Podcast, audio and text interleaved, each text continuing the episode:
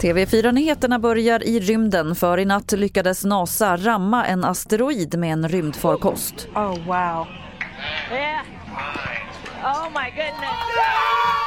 Glädjen var stor på Nasas kontrollcenter i USA i natt när farkosten DART lyckades knuffa till asteroiden Dimorphos. Trots att kollisionen skedde över en miljon mil från jorden träffades målet mitt i prick enligt forskarna.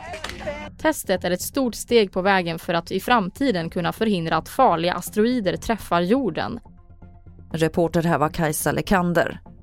Höjda räntor gör nu att avgifterna i många bostadsrättsföreningar kan behöva höjas rejält. I nybyggda föreningar med stora lån kan det handla om höjningar av avgiften på 50% Det säger experter som SR har pratat med. Nya föreningar har i snitt mer än dubbelt så mycket skulder per kvadratmeter och drabbas därför hårdare. 13 rullar med plåt som väger över 80 ton har stulits från ett industriföretag i Sveg. Plåten värderas till 2 miljoner kronor enligt lokala medier. Det var natten till igår som en truck användes för att sno plåten och lasta den i lastbilar. Polisen har inte gripit någon misstänkt.